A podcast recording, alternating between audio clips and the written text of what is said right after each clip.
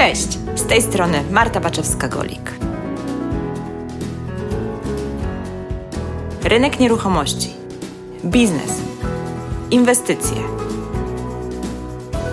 czyli podcast Ruszamy Nieruchomości.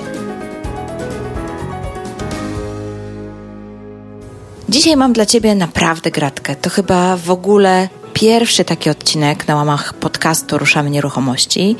I szczerze powiedziawszy, ciągle się dziwię, że po kilku latach nagrywania ciągle jeszcze mam tematy, których w ogóle nie poruszałam na łamach podcastu.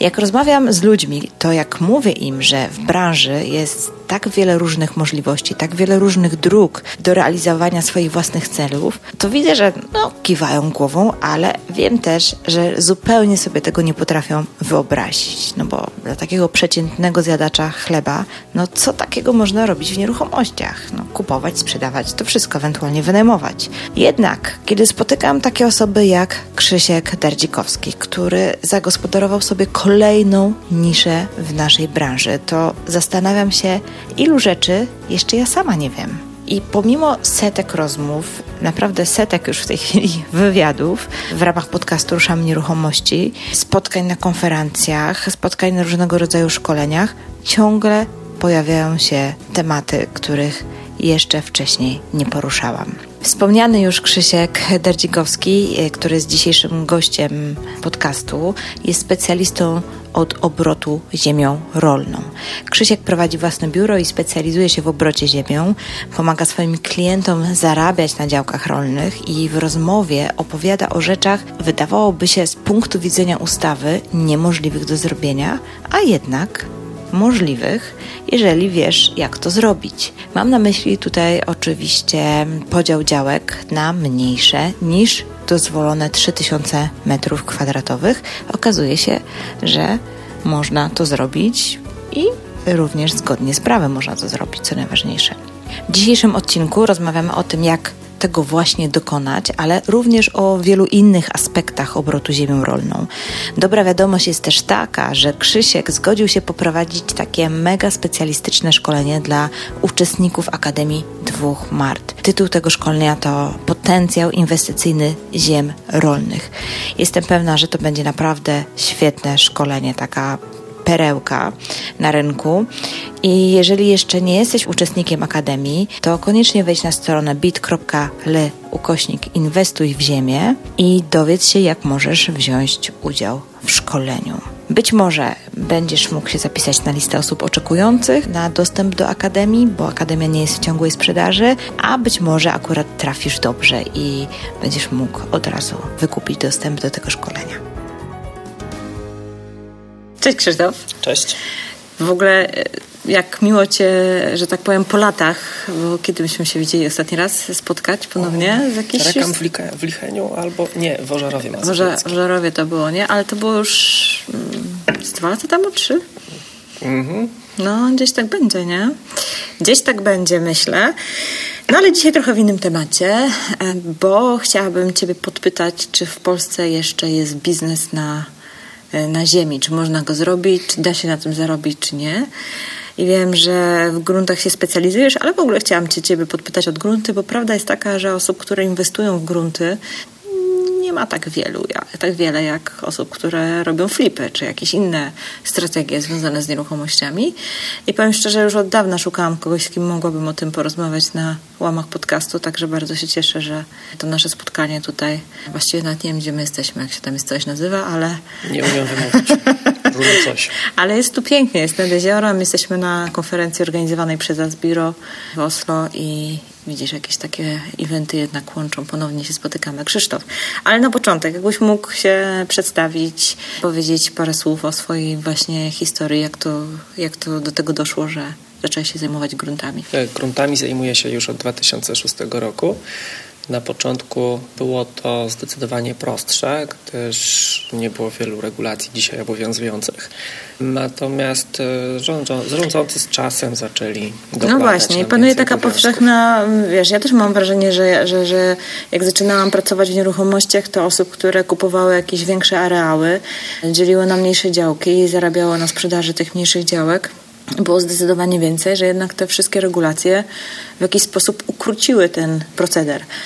Bardziej zmieniły sposób pracy z tymi gruntami. Jeśli ktoś wie, w jaki sposób przeprowadzić taką operację, nadal jest w stanie to zrobić, a jako, że konkurencja jest mniejsza, to tylko tym lepiej. To, to raj. to raj. To mam nadzieję, że zdradzisz trochę tajników, jak to wygląda na, na dzień dzisiejszy. Ale zanim o, o tych tajnikach, to może e, porównajmy, jak było kiedyś, a co jest teraz, żeby, żeby mieć taki, wiesz, punkt wyjścia.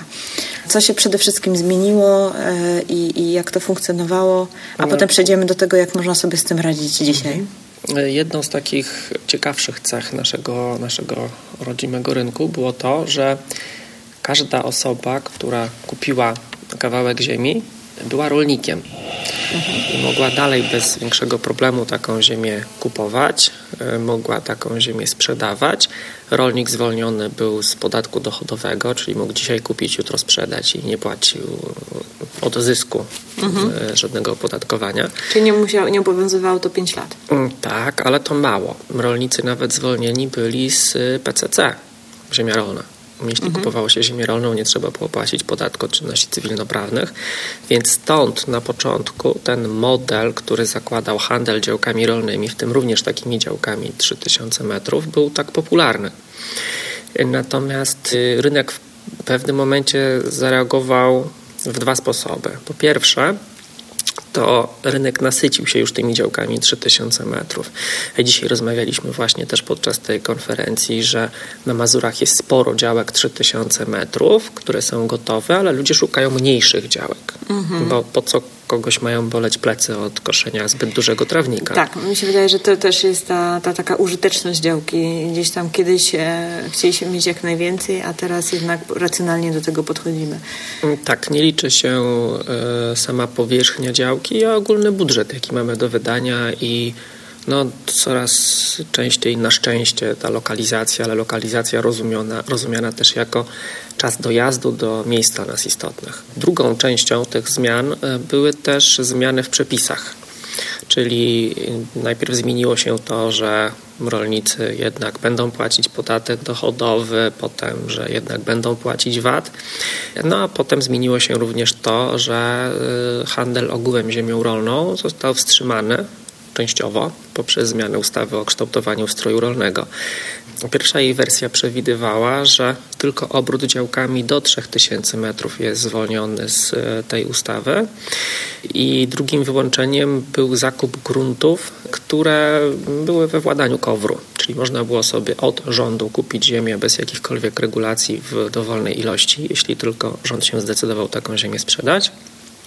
Więc rząd niejako nie miał konkurencji na rynku większych areałów wtedy. Y, a drugim sposobem dla nas, żeby kupić taką działkę, było kupowanie działek mniejszych niż 3000 metrów. No i tutaj całym sposobem było dzielenie fragmentów działek rolnych. Jeśli ktoś chciał hektar, to mógł go podzielić sobie na mniejsze fragmenty i w tych mniejszych fragmentach kupić.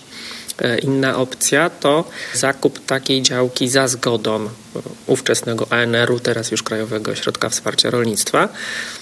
Ludzie na początku bardzo bali się e, uzyskiwania tych zgód, ale sam pan Adam Struziak, jeśli dobrze pamiętam, z Krajowego Ośrodka Wsparcia Rolnictwa, podczas konferencji w Warszawie organizowanej przez WSPON powiedział, że tych odmów to są jednostkowe przypadki. No i potem e, zapytany, dlaczego jednak one się zdarzają, on odpowiedział, to nie jest tak, że my odmawiamy. To jest tak, że ludzie składają wniosek, on ma jakieś braki formalne, ale ludzie tych braków formalnych nie uzupełniają. I czasem są to bardzo proste braki formalne, typu wystarczy dosłać jeszcze zaświadczenie, e, na przykład wypis miejscowego planu zagospodarowania przestrzennego albo wypis ewidencji gruntów i budynków, więc to, to, to nie jest coś takiego, że ktoś nie był w stanie wykonać Załatwić. takiej czynności. Mhm. Tak. Więc y, nie był ten obrót aż tak strasznie A czy w ogóle są jakieś takie, y, wiesz, y, wytyczne, czy oni mają w Kobrze jakieś takie wytyczne, na podstawie których, nie wiem, oceniają, czy Wiesz, bo zastanawiam się, na jakiej podstawie jest ta odmowa lub nieodmowa, lub yy, zgoda na, na, na, na, na zakup. jakie tam są, że tak powiem, warunki do spełnienia? Mm, wiesz co, jednak mało jest osób, które są stuprocentowo związane tylko i wyłącznie z życiem miejskim. Nawet jeśli ktoś jest stuprocentowym warszawiakiem, krakusem czy poznaniakiem, zawsze gdzieś w rodzinie ma kogoś, kto mieszkał na wsi albo mieszka aktualnie na wsi, więc e, jesteśmy w stanie udowodnić, że jeździliśmy na wakacje, wiemy jak wygląda krowa, czasem pracowaliśmy w gospodarstwie rolnym, czasem stamtąd pochodzimy i teraz mieszkamy w mieście, więc e, zawsze możemy udowodnić, e, uwiarygodnić naszą historię, dlaczego my chcemy na wieś wrócić, po co jest nam ta ziemia potrzebna. Mhm. To jest jeden ze sposobów. W ustawie jest mowa, że ta osoba daje rękojmie należytego prowadzenia gospodarstwa rolnego właśnie dzięki temu, że na przykład ma już doświadczenie. Odpowiednie wykształcenie jest drugim z takich sposobów. Więc e, wydaje mi się, że tutaj bardziej problematyczne jest nie to, że KOWR nie chce pozwalać na sprzedawanie, tylko to, co my faktycznie z tymi gruntami robiliśmy. Faktycznie było tak, że spekulacja na gruntach była bardzo, ale to bardzo duża i gdyby też te zakupy i handel tymi gruntami, gdyby był troszkę bardziej rozsądny, to wydaje mi się, że ustawodawca no, nie musiałby tego regulować. Rynek okazał się w tym przypadku trochę chyba zbyt pazerny i, i dlatego doszło do takich regulacji. Czyli wiemy już, jak dzisiaj możemy nabywać. No to teraz powiedz mi, co z tymi podziałami? Znaczy, dzisiaj jest jeszcze inaczej, Aha. bo teraz powiedzieliśmy sobie Aha, o okay. pierwszej wersji ustawy. Tak, bo teraz znowu jest jakaś e, nowelizacja. Weszła kolejna nowelizacja i no teraz możemy kupować do jednego hektara bez większego problemu na obszarze wiejskim. W mieście bez większego problemu taki hektar sobie kupimy.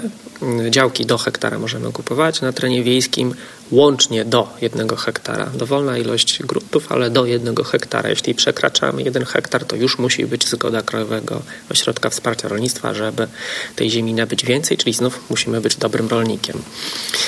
Ta zmiana jeszcze jest o tyle przyzwoita i korzystna, że wcześniej, żeby sprzedać grunt nabyty za zgodą KOWR-u, trzeba było uzyskać zezwolenie, ale na drodze sądowej. I było to bardzo trudne. Mi się udało tylko jedno takie zwolnienie uzyskać i to też już pod sam koniec obowiązywania Czyli tej wersji ustawy. za zgodą i potem nie mogłeś tak, sprzedać? Tak, przez okres 10 lat nie można było tej ziemi okay. zbyć, więc blokada naprawdę poważna. Ograniczenie możliwości realizowania mojego konstytucyjnego prawa własności. Taka była ta wersja ustawy. I było to bardzo skomplikowane. Ja znam tylko ten jeden przypadek, który ja przeprowadziłem, żeby taką zgodę uzyskać. Dzwoniłem po wielu sądach celowo, żeby dowiedzieć się w ogóle w jaki sposób taką zgodę można uzyskać. Wszyscy mówili, proszę złożyć, my się wtedy zastanowimy. No mówię, ale co ja mam złożyć? To ma być wniosek, to trzeba proces. Jak? W jakiej formie? No ja nie wiem. No skoro ja nie wiem, to ja musiałem wiedzieć, wymyśliliśmy i złożyliśmy. Udało się. Mm, ale też oczywiście, jako że droga sądowa trwało to 12-13 miesięcy. Teraz e, ta obecna wersja ustawy mówi, że wystarczy zgoda administracyjna właśnie kowru na sprzedaż. Też mhm. oczywiście trzeba udowodnić, że jest jakaś ważna przyczyna za tym stojąca, ale no nie wydaje mi się, żeby KOWR rozpatrywał nasz wniosek przez ponad rok czasu. Jeśli ktoś będzie miał jakąś trudną sytuację, będzie chciał, nie wiem, ratować e, sobie e, stan majątkowy, bo jakiś kredyt się nie spina, bo jakaś sytuacja rodzinna, to wydaje mi się, że KOWR jest naprawdę ciekawą i dosyć przyjazną instytucją. E, więc wydaje mi się, że nie powinni ludzie narzekać na uzyskiwanie różnych zgód z tej akurat mhm. instytucji. A też jest ten okres 10 lat? Nie, teraz ten okres został skrócony do 5 lat. Czyli mhm. w praktyce został on zrównany do tego okresu, w, po którym również możemy sprzedać nieruchomość bez płacenia podatku, podatku dochodowego. Całkiem ciekawe rozwiązanie. Wydaje mi się, że i tak rzeczywiście taki zwykły Kowalski inwestujący w grunt tak po to, żeby on leżał, żeby zyskiwać tylko na wartości bez jakichkolwiek operacji na tym gruncie i tak trzymał ten grunt przez okres właśnie pięcioletni.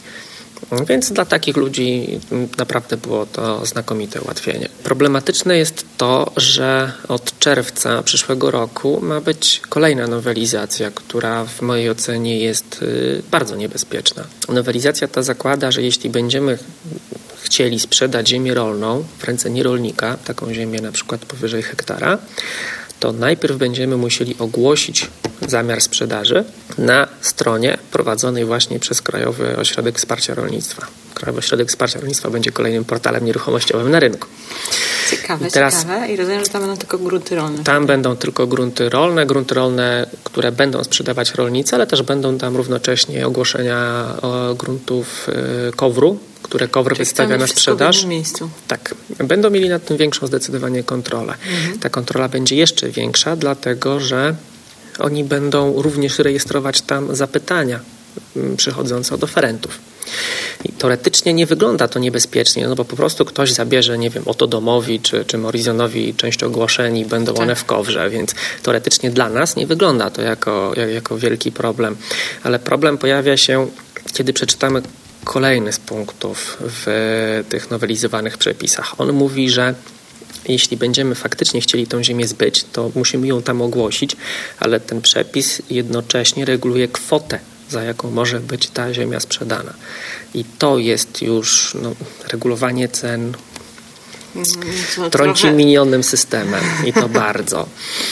E, I ta regulacja, i ta regulacja mówi tak, że jeśli Główny Urząd Statystyczny poda, że tyle powinna kosztować ziemia tego rodzaju, tej klasy bonitacyjnej w tym województwie, to my możemy naszą ofertę wystawić jedynie o 50% drożej.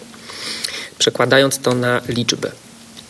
Gdzieś pod Warszawą, w powiatach, w których do tej pory pracowałem, y, ziemia rolna mogła kosztować średnio na przykład 30 tysięcy za hektar. Y, według GUS-u oczywiście. Co to oznacza? To oznacza, że teraz ten hektar będzie mógł być ogłoszony maksymalnie za 45 tysięcy. To się przekłada na znaczną stratę dla właścicieli tych gruntów. Okej, okay, czyli y, powiedziałaś o tym, że, że jak hektar był 30 tysięcy, to będzie to znaczyć, że tak, będzie można sprzedać za 45 tysięcy. Tak, jeśli rolnik nie będzie miał możliwości samodzielnie decydować o cenie, to będzie zmuszony po prostu tą ziemię sprzedać za taką kwotę. A przeliczmy to teraz znów na faktyczną wartość tego gruntu. Jeśli znajdujemy się w jakiejś odległości od fajnej aglomeracji miejskiej, no to może to być grunt, który jest na przykład położony w pierwszej linii przy drodze asfaltowej, długim bokiem. Ten bok ma na przykład tam 100-200 metrów, więc jest to dla inwestora ideał. Nic tylko podzielić na mniejsze działki, zabudować, zrobić jakiś projekt deweloperski.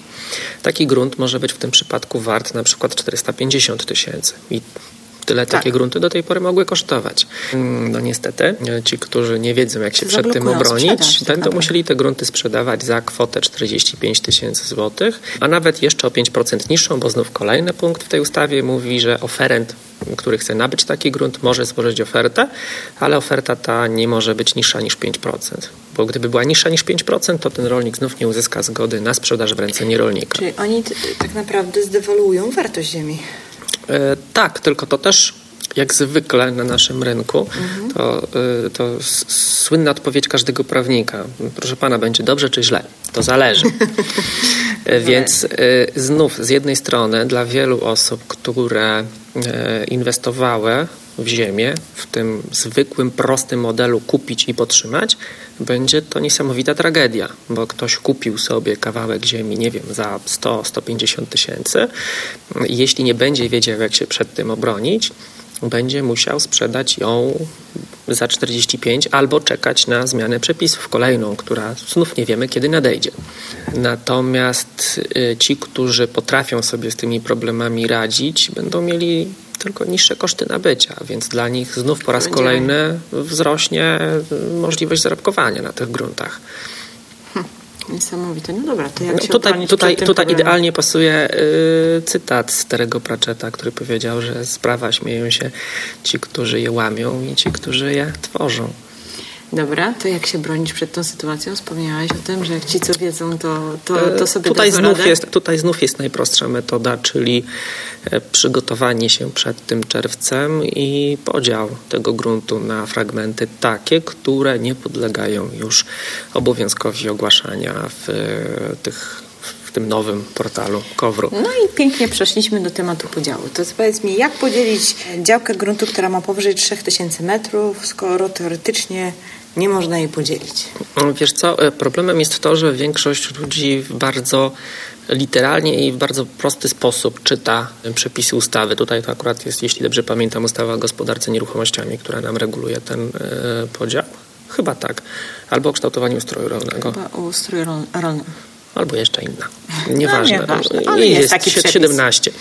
Jest przepis, przepis mówi, że działka rolna nie powinna być mniejsza niż 3000 metrów, ale zaraz kolejny mówi, że no owszem, ale jeśli uzyska się dla niej warunki zabudowy, no to będzie można ją wtedy podzielić na podstawie tych warunków zabudowy i to jest jedna z metod, tylko też nie zawsze ta metoda podziała. Dlaczego? Dlatego, że nie dla każdej działki da się uzyskać warunki zabudowy na zabudowę mieszkaniową. Więc to jest pewnego rodzaju ograniczenie.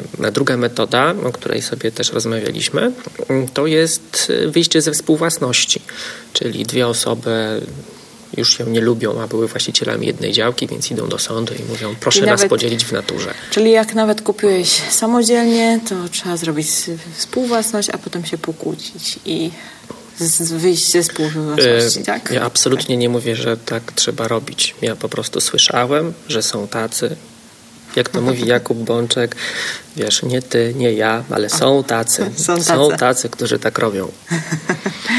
Okej, okay. bo żeby znieść współwłasność trzeba mm, Musi być do sądu, tak?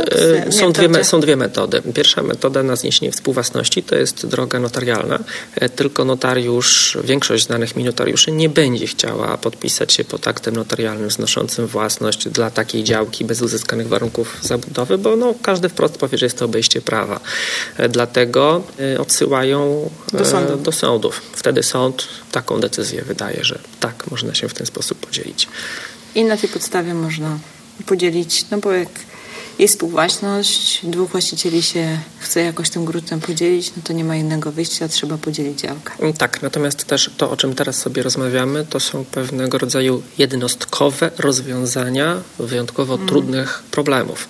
To nie jest model na skalowalny biznes. Tak, tak, bo to też skalowalny, tak, tak skalowalny biznes na nieruchomościach gruntowych y, dziś według mnie robi się trochę inaczej. Według mnie y, robi się to na tej zasadzie, że nie nabywa się gruntu na własność, tylko pracuje się na gruncie, który jest gruntem rolnika, ale my wykonujemy cały proces sprzedaży i marketingu w ten sposób, że grunt rzeczywiście wart 30 tysięcy jest wart przykładowe 300 tysięcy i to jest jak najbardziej wykonalne. To jest jedna z metod, mhm. czyli wykorzystanie wiedzy do zwiększenia wartości i mm, kwestia porozumienia z właścicielem, tak aby każdy był zadowolony na wyjściu. A druga ciekawa rzecz to jest coś, czego jeszcze nadal brakuje u nas w kraju. To jest przygotowywanie gruntów e, stricte pod inwestycje deweloperskie różnej skali. Prawdą jest to, że rzeczywiście to, o czym też Ty mówiłaś podczas Twojej y, prelekcji, że jedną z przyczyn tego, co się dzieje na rynku, jest brak dobrych gruntów deweloperskich. Tylko ważnym stwierdzeniem jest tutaj to słowo dobrych. Mhm. Są grunty, ale grunty obarczone jakimiś wadami. Więc jedną z takich fajnych nisz może być prostowanie tych wad i dostarczanie deweloperowi gotowego produktu z uzyskanym pozwoleniem na budowę już jakiejś ciekawej inwestycji. I takie grunty deweloperzy chętnie nabywają pod warunkiem, że oczywiście będą one dobrze przygotowane. Tak, tak. Tylko też, to też trzeba sobie zdawać sprawę, że żeby to zrobić, to trzeba też trochę zainwestować. No bo żeby uzyskać pozwolenie na budowę, to trzeba stworzyć projekty i tak dalej, i tak dalej. Nie? Tak, ale mimo wszystko, wszystko tak, mimo wszystko jest to y, bardzo opłacalne, dlatego że to nie jest tak, że podnosimy wartość działki, ale można już powiedzieć wprost, że zwielokrotniamy wartość tej działki. Więc pieniądze do zarobienia są na tyle dobre, że jeśli wiemy, że będziemy w stanie przygotować tutaj dobrą koncepcję dla, dla zagospodarowania tej działki, e, to, to tak jak najbardziej warto coś takiego zrobić. Mhm. Tylko też no oczywiście no, wszystkie te grunty wiążą się z przejściem przez jakiś proces. To może być problem e, tego typu, że jeden ze współwłaścicieli zaginął w Australii i nikt nie wie, gdzie on jest, więc już trzeba ten problem rozwiązać. Inny problem, że ktoś gdzieś zapomniał, zgubił dokumenty, trzeba je odzyskiwać. Czasem jakiś urząd sobie na kawałku działki naszej pobudował coś i też trzeba walczyć. No różnie to bywa, naprawdę różnie. E, nie, że, że tutaj jakoś, wiesz, zniechęcam czy coś takiego, absolutnie, bo jak ktoś ma smykałkę do załatwiania tego typu rzeczy, to uważam, że się super z tym, w tym odnajdzie, w, w tego typu pracy. No, metody pracy są dwie. Jedna z metod pracy no, albo znajdź sobie coś, co robisz dobrze i rób to wielokrotnie, a druga tak. z metod to jest coś, co ja częściej robię, czyli rzeczy, które nie są powtarzalne, ale one mogą być dochodowe właśnie ze względu na ten stopień skomplikowania.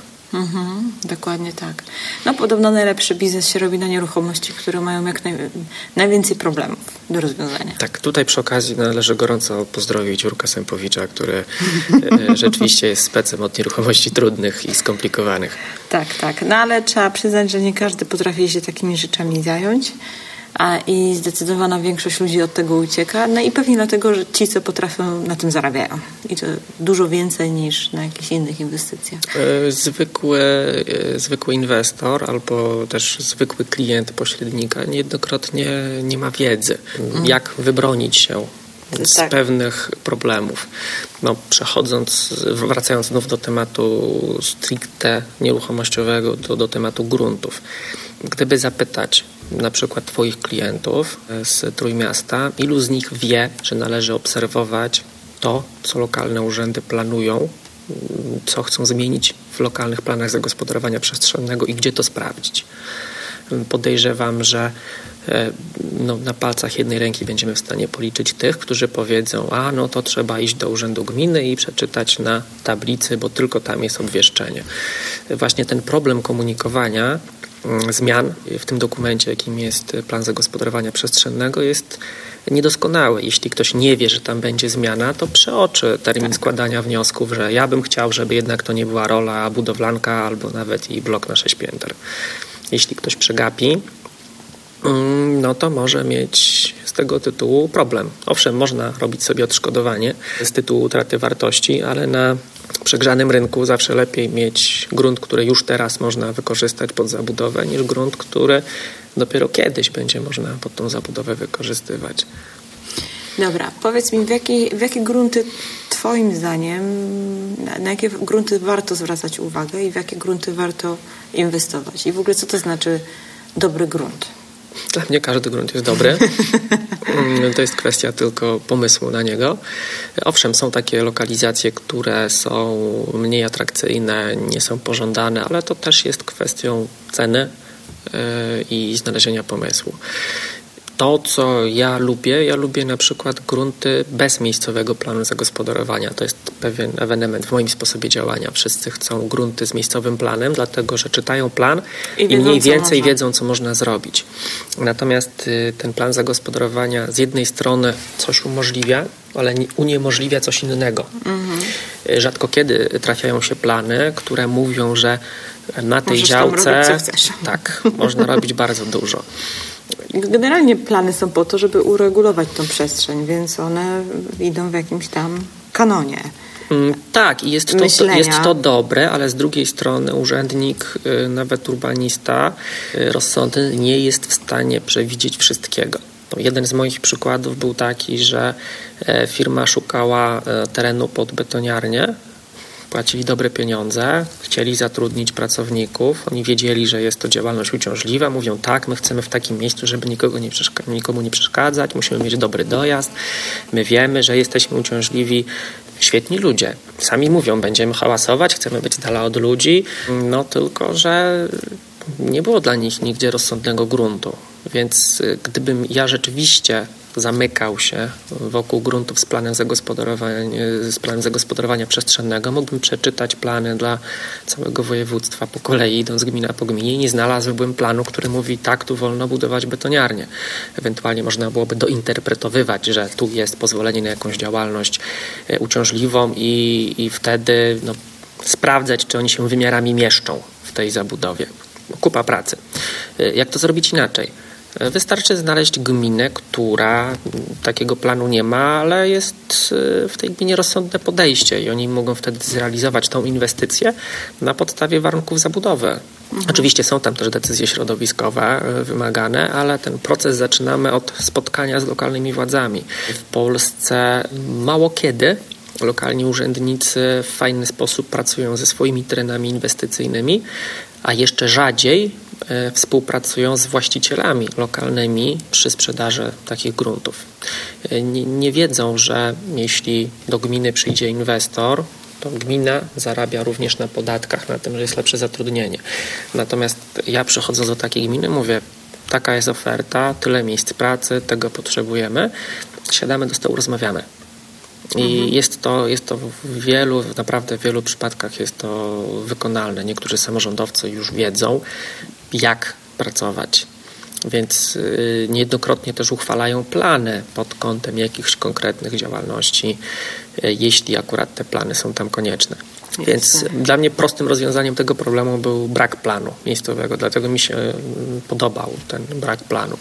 Kolejną rzeczą jest to, że wracając już na poziom zwykłego klienta, Plan zagospodarowania przestrzennego powie, że wszystkie domy muszą mieć szerokość elewacji frontowej od 10 do 12 metrów, dach o spadku 45 stopni, no i koniec. Jeśli ktoś ma marzenie, że chciał mieć płaski dach i akurat w tym terenie pasuje to do krajobrazu, bo rzeczywiście taki jest teren, że, że nikomu nie będzie to przeszkadzać, no to plan taki standardowy, skopiowany z jednego pliku w drugi i uchwalony e, byłby problematyczny dla, dla tego nabywcy.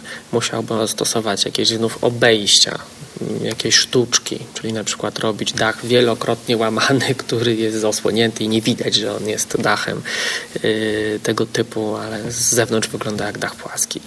To co? Mhm. I to, może to można zrealizować po prostu w miejscach, gdzie nie ma tego planu. Tak. Rozumiem, tak? Okay. a czy w ogóle zdarzyło Ci się e, zmiana planu? Czy to w ogóle jest realne dla takiej Jest to, jest to realne, ale jest to, jest to bardzo długotrwałe. E, jest to bardzo długotrwałe i nie każdy samorząd chce zgodzić się na różne proponowane mhm. przez inwestora zmiany. Mm, to, co mamy teraz w trakcie, jedna z e, ciekawych inwestycji, mm, to jeden z podwarszawskich samorządów chce się zgodzić, abyśmy mogli e, na terenie fajnym pod lasem pobudować cztery bądź sześć budynków wielorodzinnych. Tam wcześniej był zakaz zabudowy, ale już na tyle miasto się rozwinęło, że w tym miejscu również można. No i oczywiście wybierzemy się z inwestorem, który chce budować na spotkanie z komisją w samorządzie i będziemy rozmawiać po prostu, co oferuje inwestor, w jaki sposób do tego podchodzi i co na to samorząd. Tutaj ciekawostką jest to, że samorząd też ma swój interes w tym, żeby ta inwestycja ruszyła, dlatego że dzięki temu będziemy w stanie uregulować y, własność jednej z dróg przy okazji niejako, która jest nieuregulowana od co najmniej czasów tuż po II wojnie światowej. Nawet rozmawiając z, z lokalnym geodetą powiatowym, doszliśmy do wniosku, że no tak, dopiero jak ruszycie, to będzie najfajniej, żeby to od razu zrobić przy okazji, bo tak, to musielibyśmy ugrzęznąć w papierach na długie lata. Rozumiem, rozumiem. Dobra, a wróćmy jeszcze trochę do tych gruntów rolnych, bo teraz sobie tak myślę, e, że opowiedzieliśmy o ustawie, jakie tam są E, te najważniejsze punkty, które są istotne z punktu widzenia obrotu tą ziemią, ale może jeszcze wróćmy do klas ziemi, bo o tym nie powiedzieliśmy. Jaką w ogóle ziemię można, no, biorąc pod uwagę fakt, że, że chcemy na niej faktycznie coś zrobić, to jakbyś mógł wytłumaczyć, o co chodzi z tymi klasami ziemi, bo są lepsze i gorsze, które taka, kupować, które nie. Taka podstawowa wiedza. Podstawowa wiedza wygląda w ten sposób. Jeśli ziemia jest trzeciej, drugiej bądź pierwszej klasy, to najlepiej jej nie kupować, dlatego że chcąc ją zabudować, musimy uzyskać wyłączenie z produkcji rolnej, a wyłączenie z produkcji rolnej jest kosztowne. Mm, to może kosztować wielokrotnie więcej niż samo nabycie tego gruntu. Podobnie zresztą jest też z, z lasami. Oczywiście są odstępstwa i jeśli ktoś wie, kiedy one występują, to też może sobie z czymś takim poradzić.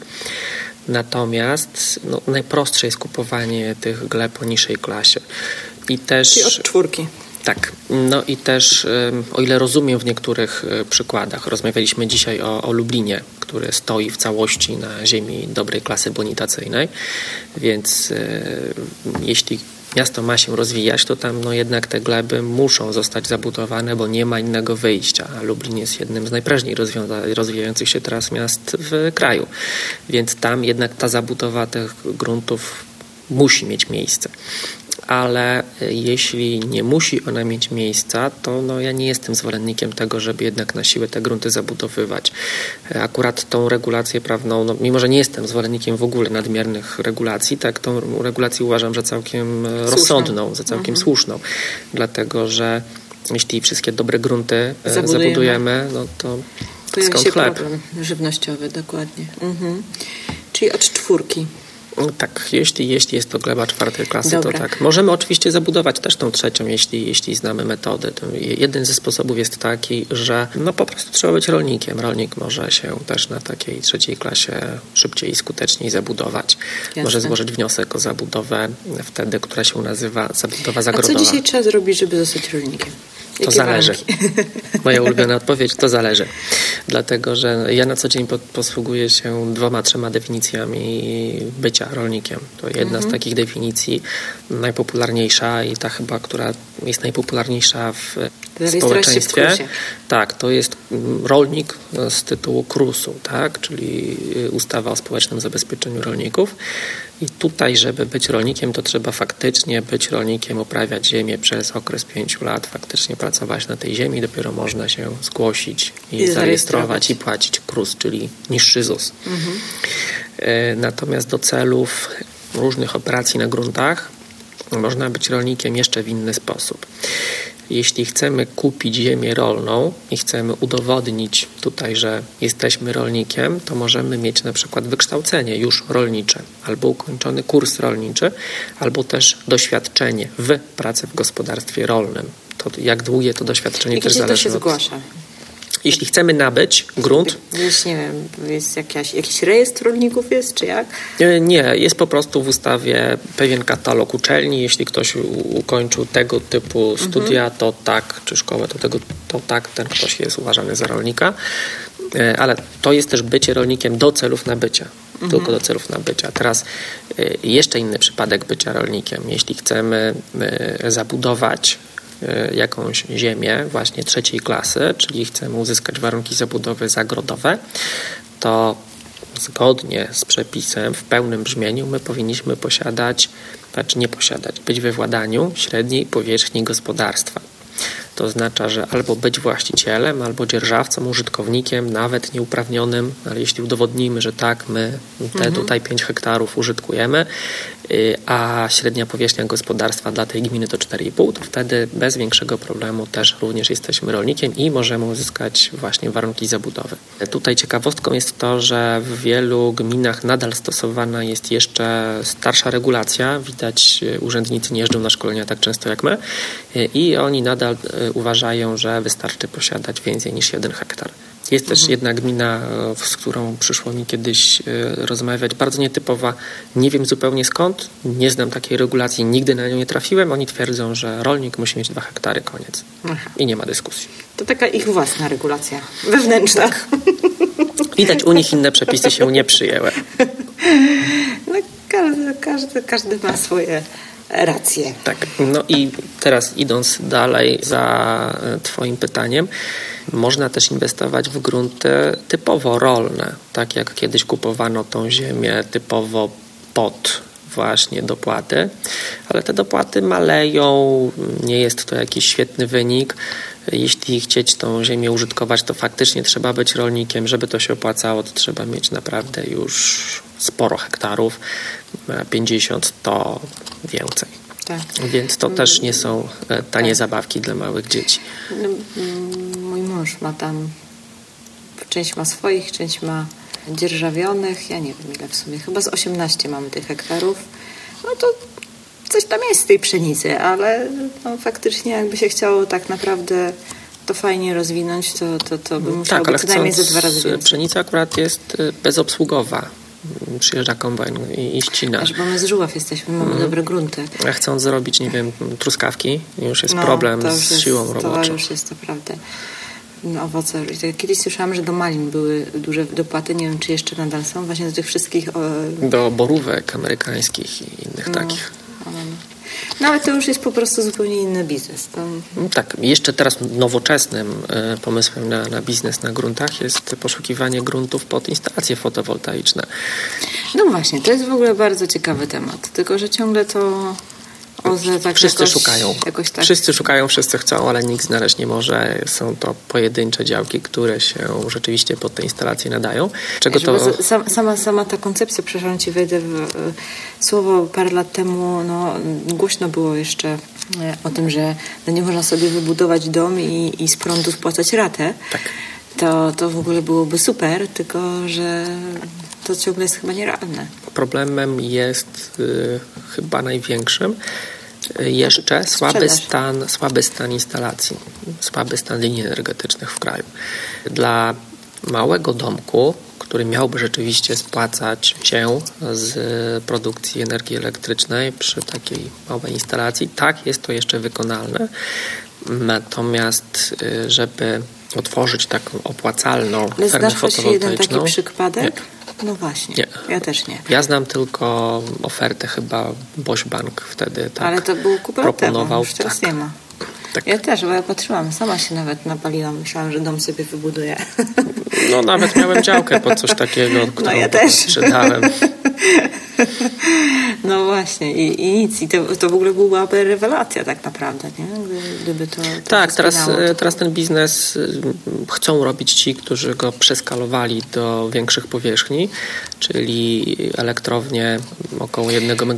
No ale ja wychodzę z założenia, jeżeli my ciągle nie widzimy na pol, e, e, tych, tych pól fotowoltaicznych w Polsce, to znaczy, że to ciągle nie jest biznes jeszcze. To jest biznes, ale my nie możemy ich widzieć właśnie ze względu na to, że nie ma instalacji, które są w stanie udźwignąć przepustowość, e, bo to nie jest taka zwykła pierwsza, lepsza linia energetyczna, którą widzimy jadąc gdzieś tam samochodem. To musi być linia o odpowiedniej przepustowości, czyli mm, ona się na mapie oznaczana jest 15 kV. Takich linii u nas nie jest dużo. Te, które są, są mocno obciążone, część z nich powinna być wymieniona. E, no i w związku z tym, jak nawet znajdziemy grunt, który leży przy takiej linii i zapytamy się w zakładzie energetycznym, czy się da, to najczęściej usłyszymy, że no dać się nie może, bo ta linia jest już za bardzo wyeksploatowana, przeciążona do remontu, czeka na remont, kiedy za 100 lat. No. No, żeby to właśnie nie było tak jak z tymi wiatrakami, nie? Ale tutaj niespodzianka. Ja dawno, dawno temu, kiedy trafił do mnie pierwszy projekt na sprzedaż fermy fotowoltaicznej, tak się zastanawiałem, czy nie ma jakiegoś innego sposobu, żeby ten biznes przeskalować. No i tak przyszło mi do głowy wtedy, że przecież właścicielem z jednej z lepszych linii energetycznych w skali kraju jest PKP spółka Polskie Linie Kolejowe. Oni są właścicielami świetnej linii energetycznej, która zawsze działa, zawsze musi być sprawna i jest podłączona do wszystkich zakładów energetycznych w kraju i nie tylko. No i okazuje się, że właśnie teraz y, bodajże PGE do spółki z y, kolejami przeszukuje wszystkie grunty kolejowe i sprawdzają, które z nich nadają się pod tego typu instalacje. Więc tam, gdzie nie poradzili sobie inwestorzy, może, może, może poradzą sobie te dwa duże podmioty. Zobaczymy. O, no ktoś musi zacząć, nie?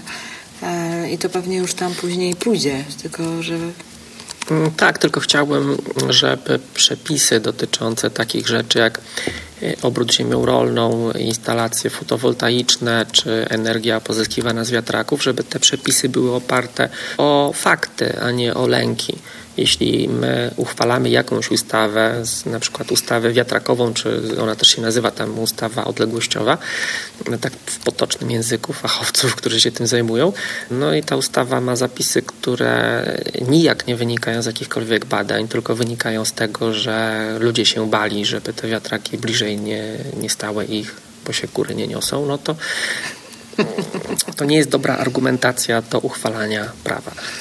No i, i drugie zagrożenie to jest też to, no jak w naszym kraju następuje mm, stosunkowa łatwość zmian tego typu przepisów, a a tego typu y, przedsięwzięcia to są potężne inwestycje. Tak, to jest właśnie to, co dzisiaj słyszeliśmy o Anglii, że jeśli jest jakaś zmiana podatkowa, to najpierw wiemy 3 lata przed, że ta zmiana podatkowa wejdzie i mamy 3 lata na zareagowanie na tą zmianę. Możemy sobie przekalkulować, zobaczyć, jak rynek reaguje, jak my się na tym rynku nowym odnajdziemy Świetna sprawa. U nas dowiadujemy się, że ten sposób, w jaki interpretowaliśmy podatki przez ostatnie pięć lat Tak, jest niewłaściwy i trzeba oddać ten cały VAT albo podatek dochodowy albo coś jeszcze. Albo dowiadujesz się właśnie, jak masz już kontrolę, nie? Nawet pan nie wiedział, a pan prowadził działalność gospodarczą. Gratulujemy. Tak, tak. I potem są stwierdzenia, no jak sobie nie radzicie, tak jakby faktycznie rolą przedsiębiorcy było nie, nic innego, tylko siedzenie i śledzenie przepisów, jak on ma 1500 innych rzeczy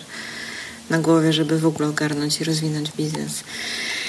Dobra, e, Krzysztof, bardzo Ci dziękuję za, za, tą, e, za tą rozmowę, dlatego że naprawdę poszukiwałam kogoś od gruntów od dawna. Nie wiem dlaczego jakoś wcześniej o Tobie nie pomyślałam. Zupełnie No ale jakoś... myślę, że powinniśmy jakimś bardziej pozytywnym e, akcentem zakończyć. Nie tak smutno, że jest źle, źle, źle. Nie, nie jest źle.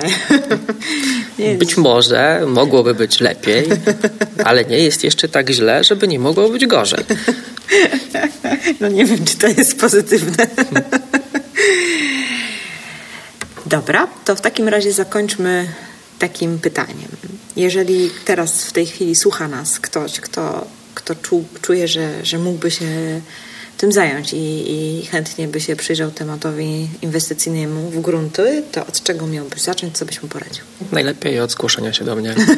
E, Dlaczego? Dlatego, że mm, po pierwsze niedługo rozpoczynamy rekrutację. E, Ściśle mm, będziemy poszukiwać osób, które chciałyby się zająć właśnie działką nieruchomości gruntowych.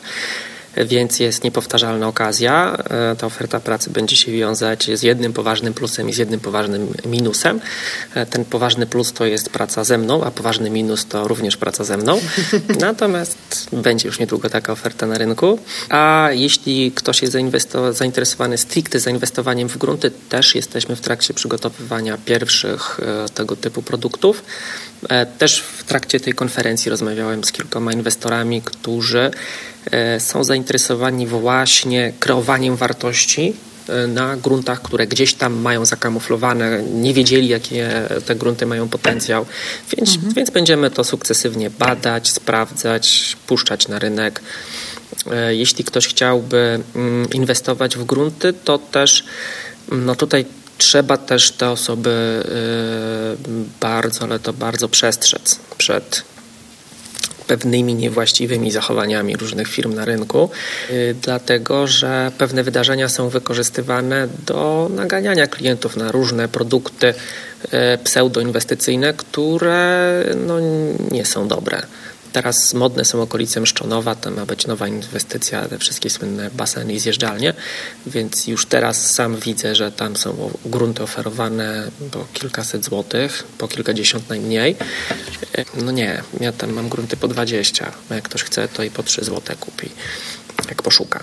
E, Więc no, nie jest to za fajne.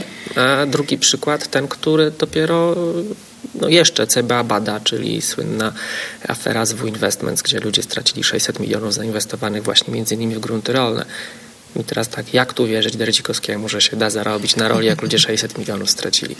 No właśnie. Oni nie stracili na ziemi rolnej, oni stracili na produkcie finansowym, na funduszu.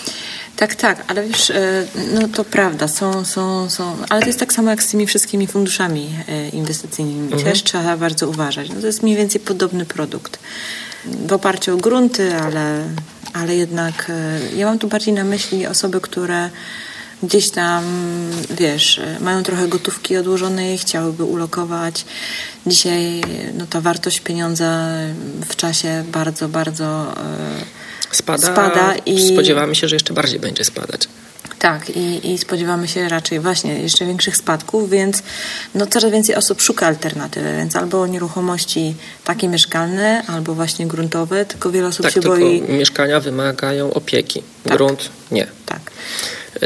Yy, Staramy się to robić w taki na ile sposób. lat trzeba brać pod uwagę? Jakby ktoś chciał zainwestować, to wiesz, jaka to jest inwestycja, na ile lat, jak to, to oceniasz? Wiesz, w gruntach jest bardzo podobnie jak w mieszkaniach. Możesz sobie kupić grunt też na flipa. Mhm. Tylko kwestia policzenia, zrobienia Excela. Mhm. Y, Ale y, większość osób inwestuje w grunty długoterminowo, a jedna chyba, no, chyba najpopularniejszy model u nas w Polsce na rynku jest taki, że ja mam pieniądze i mi się całkiem nieźle powodzi, więc ja kupię gdzieś pod miastem kawałek ziemi, mam dwójkę dzieci, to oni się tam podzielą albo wybudują za 20-30 lat. No, owszem, jest to dobra inwestycja i może wygenerować super zwrot, no ale tylko raz. A w tym czasie moglibyśmy tymi pieniędzmi obrócić kilkanaście czy kilkadziesiąt razy. Czyli na ile lat? Mm, Wiesz co, to co ja przeprowadzałem, to były najczęściej Taki inwestycje, które trwały około trzech lat i wynikało to z przewlekłości pewnych procedur. No jest to całkiem dobry czas. Natomiast jeśli mówimy o, o rzeczach bardziej skomplikowanych, typu uzyskiwanie miejscowych planów zagospodarowania 5 do 7 lat.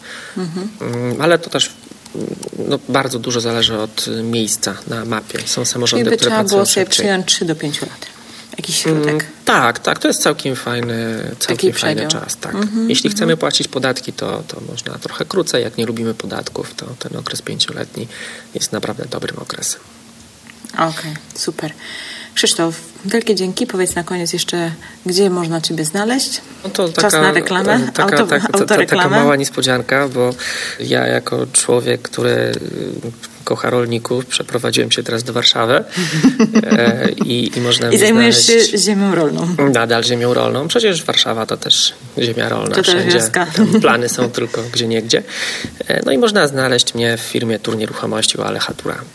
Dobra, Białołęka, zapraszamy na kawę. super. Podeślesz mi link, a ja go zamieszczę w opisie do tego odcinka.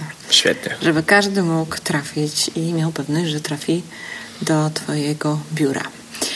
E, Krzysztof, wielkie dzięki za rozmowę i za wyjaśnienie tych wszystkich niuansów ziemnych i gruntowych.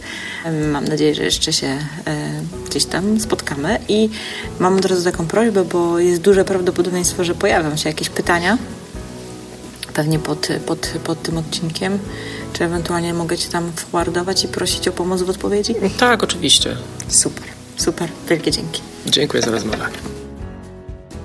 Mam nadzieję, że ten odcinek zaspokoił ciekawość wielu osób, które pisały do mnie maile z prośbą o zrealizowanie właśnie takiego tematu, tematu obrotu ziemią rolną. Nie było łatwo znaleźć kogoś, kto naprawdę zna się na rzeczy i dodatkowo zechciałby się podzielić swoją wiedzą. Na szczęście udało się i jest to tylko dowód na to, że jeżeli masz jakiś ciekawy temat, którego jeszcze nie poruszałam na łamach podcastu, albo czujesz jeszcze brak informacji w jakimś zakresie, to koniecznie do mnie napisz. Nie obiecuję, że od razu uda mi się z kimś na ten temat porozmawiać, ale będę się starać znaleźć odpowiedniego rozmówcę i na pewno ten temat będzie mi cały czas chodził po głowie i ustawi się w kolejce do realizacji. Przypominam też o szkoleniu z Krzyśkiem Derdzikowskim, jakie robimy w ramach Akademii Potencjał Inwestycyjny Ziem Rolnych. Dostęp do szkolenia jest dla uczestników Akademii. Wejdź na stronę bit.ly ukośnik inwestuj w ziemię. Zapisz się na listę oczekujących na dostęp do Akademii lub może akurat jak słuchasz tego odcinka w tym momencie, to mamy otwarty nabór, więc po prostu możesz nabyć dostęp do tego szkolenia. Sprawdź koniecznie, bo to szkolenie jest naprawdę szalenie ciekawe i naprawdę mega, mega konkretne.